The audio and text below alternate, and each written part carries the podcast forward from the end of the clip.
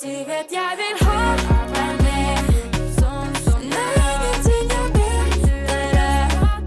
Det er mye å tenke på når det skal lages mat i barnehagene. Hva er sunn og god mat for barna? Hvor kommer maten fra? Hva er innholdet i maten? øh, Og hvem har allergier og ikke?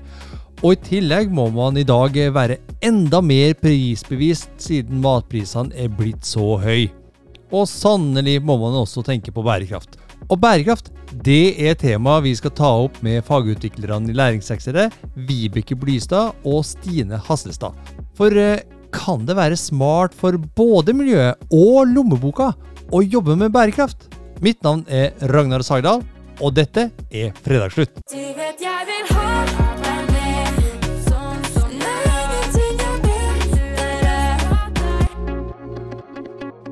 Velkommen til en eh, ny utgave av eh, Fredagsslutt, eh, Vibeke og Stine. Takk. Takk.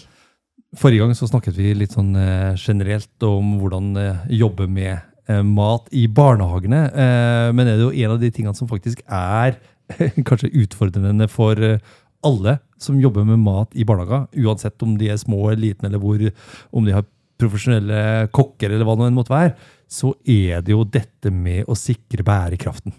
I det, ikke sant? Ok, mat er blitt dyrt, kostpengene er kanskje ikke så høye ute, som foreldrene betaler inn, den maten du får skal være sunn og god. Det, det er så mange ting å tenke på. Hvor starter man i dette her, da? Ja, Det er et veldig godt spørsmål, Ragnar. Hvor starter man? Og der er det jo litt etter hver enkelt barnehage, da, utgangspunktet de har. Ja.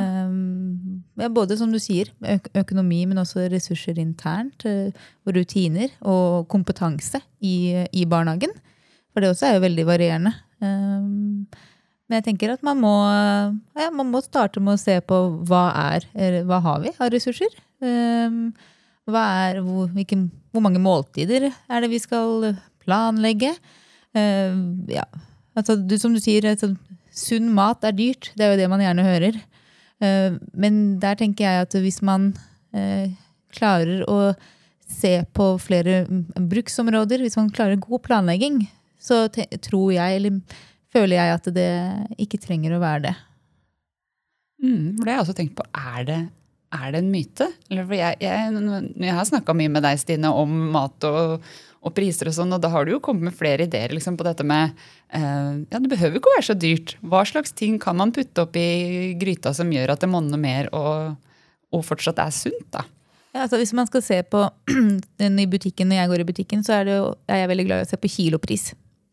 Eh, man ser jo gjerne på den summen, som, eh, altså på prislappen, men når man kjøper, ser på kiloprisen, så er det ofte at eh, råvarer eller eh, renere matvarer er billigere. Men da igjen, da krever det jo litt mer tid ofte eh, for å preppe det eller gjøre forberede. Så man betaler seg jo litt ut av eh, den tidsklemma når man kjøper eh, dyrere produkter, da. Eh, eller mer ferdige produkter. Eh, Sånn da, sånn som vi var inne i den første episoden nå, da må man jo se litt på mulighetene da, med, med å inkludere barna, med å se på hvordan personalgruppa, hele gruppa, kan inkluderes eh, i eh, måltidet. Og da må man jo snakke litt om hvorfor. Hvorfor skal vi gjøre det? Eh, sånn som du er inne på bærekraft. Og det tenker jeg handler jo ikke bare om miljø, eh, men det handler også om om det å, å bygge bærekraft, en helse, som eh, her og nå, men også som eh, for videre. Da. Altså, for, for barn så er det mye av grunnlaget som dannes når de er små. Eh, Hjernen for eksempel har den største utviklingen fra de er 0 til 6. Så det, den maten som de byggeklossene de får i den tidlige alderen, påvirker jo eh, det, de tar med seg. I forhold til læring, i forhold til sosial kompetanse. Eh, som gjør, tenker jeg, er et viktig hvorfor. da, På hvorfor man skal ta vare på kostholdet eller gi barn et godt måltid. Eh, hvis vi prøver å dele opp dette med, med bærekraft? Altså, Når man er ute i det nærings, næringslivet, så snakker man da både om eh, bærekraft knytta til økonomi, og så om bærekraft i forhold til miljø og en del sånne ting som du er inne på, så bærekraft i forhold til menneskene. ikke sant? Så Det er liksom litt av de eh, tre perspektivene. Eh, Men vi, la oss begynne litt med dette med økonomi. liksom bærekraften i det. Jeg husker jo det da jeg vokste opp. Eh, min mor, når hun hadde vært ute og handla, så tok hun av kassalappen, og så skrev hun ned på, i en sånn bok så skrev hun ned hvilken vare hadde hun kjøpt, hva var kilosprisen eller litersprisen, hvilken butikk var det, slik at hun hele kunne kartlegge hvor var det rimeligst å kjøpe hvilke matvarer. Men la oss begynne med dette med, med da det økonomiske bærekraften. Altså, eh, krever det at du nærmest har en sånn finansgrad for å kunne kjøpe mat og til en anførselstegn, rimelig penge og få mest mulig ut av krona? Ja, Man kan jo tenke at det, det er i hvert fall eh, tidskrevende. Kanskje Hvis man ikke har den graden i økonomi. Noen vil kanskje gjøre det kjapt. Man tenker at, er, eh, at man kanskje tenker at det er mye som, mye som kreves rundt det. Men det er jo også Hvis man først har gjort, gjort den jobben én gang, da, og sett på hva er kilosprisen, så behøver man jo ikke gjøre, og funnet det produktet som er eh, best og billigst, så behøver man jo ikke å gjøre det hver uke. Eh, Da har man jo, Hvis man gjør den jobben én gang, så kan man, og kanskje dele også. Kanskje man har et nettverk av barnehager man kan dele noen tips med. Man kan eh, ja, gi hverandre litt råd og tips.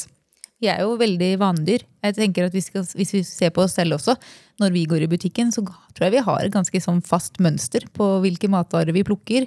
Eh, og, og da er det noe med å ta det steg for steg da, eh, og se litt på ok, hvor skal vi begynne. Og begynne ett sted. Ikke tenke at du skal ta og omfavne alt på en gang. Hva mener du med å begynne ett sted? Siden? Det, det vil si for eksempel, altså hvis man eh, tenker et, et, et matprodukt da, som, eh, eller en ting som ofte går igjen i barnehager, er jo brødmåltidet. Eh, Der er det jo dessverre veldig mye kjøpebrød som er, går under kategorien ultraprosessert mat eh, pga. innhold og tilsetningsstoffer og hvordan den er bakt. Da. Eh, Mens eh, så skal man da se på økonomi, så vil man jo spare penger på å bake brød selv. Eh, Sånn at det, da kan man jo eh, tenke at ok, eh, hvordan skal vi starte med brød, for eksempel, fordi det er en stor andel av eh, måltidene i barnehagen. Begynne der. Og så få inn det som en rutine, og så kan man bygge videre på å se er det noe annet, hva skal vi ta tak i nå. Så ikke begynn på alt og tenk at du skal snu på alt med en gang. For det, det tar tid å endre vaner også. Uh, ja. Men begynn. Ikke vent til at du har alle planene klare. Nei, ikke sant? Men, og en, en annen ting av dette med økonomiske bærekraften er jo dette med at eh, eh, å beregne riktig mengde. Ikke sant? Sånn at du ikke da ikke kjøper for lite, så de ungene går ut og sultne og grunner gjennom dagen. Men heller ikke for mye som ender om at du eh, i verste fall kaster ting. da. Hvordan, hvordan skal man tenke rundt det der, da? Der tenker jeg det er å kanskje lage seg en liten sånn eh, statistikk på hva, ja, hva vi har lagd denne uka. Hva ble til overs? Hva spiste barna? Eh, hva, hva måtte vi kaste? Eller hva eh, Å kunne justere mengden, da. Så man neste uke kanskje får justert det litt bedre i forhold til hva forbruket faktisk blir. Og også lage ting som du kan tenke at det her kan jeg bruke resten av til dagen etter. Eller det her kan jeg fryse ned og ta opp neste gang vi skal ha rundstykker. ikke sant? Eller, eh, eller sånne ting. Jeg, så, jeg kom jo over et tips fra en barnehage i en læringsverksted. Hvor de, når de skulle innføre en ny rett, så lagde de jo gjerne kanskje litt mindre mengde. Og hvis da barna var mer sultne etter den porsjonen, så supplerte de med f.eks. knekkebrød. da. Sånn at man på en måte tar ting gradvis, istedenfor å måtte kaste mye fordi at eh, barna kanskje syntes det var uvant med denne nye retten. For det tar jo opptil 15 forsøk eh, før et barn lærer å like nye smaker. Ja. Så det, så det er noe med liksom når man skal ja, prøve seg på nye ting, så kan det jo være demotiverende for de som lager mat, å se at men barna spiser jo ikke. Så det å begynne litt i det små, og så heller øke etter hvert når barna blir vant til eh, Bare det å bytte fra vanlig pasta til fullkornpasta kan jo for noen være uvant med både smak og konsistens. Da kan man blande 50-50. Eh, gjøre noen sånne små triks da, eh, for det. Eh, tenker jeg også er veldig gull. Du vet jeg vil ha deg med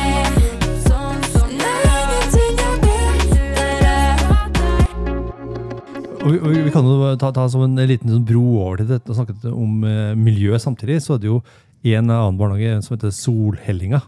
Eh, der har jo de jobba mye med nettopp med sikre denne bærekraften og unngå å kaste mat. Fordi å kaste mat, det er eh, Å kaste penger. Å kaste penger, helt riktig. Eh, hva, hva, var, hva var reaksjonen da de begynte med det? Hva sa f.eks. Eh, renovasjonspersonalet? Ja, de fikk jo en telefon, de. eh, Fra renovasjonen som lurte på hva i all huleste verden som hadde skjedd i deres barnehage. Fordi de hadde jo kasta da et tonn mindre mat enn det de hadde gjort året før. Eh, Så det er jo veldig inspirerende eh, å se hva man kan Hvis man planlegger, organiserer, eh, vet hva man har i skapene, bruker det før det går ut på dato, og planlegger godt, så er, ligger det vanvittige muligheter. Så det ligger penger der òg.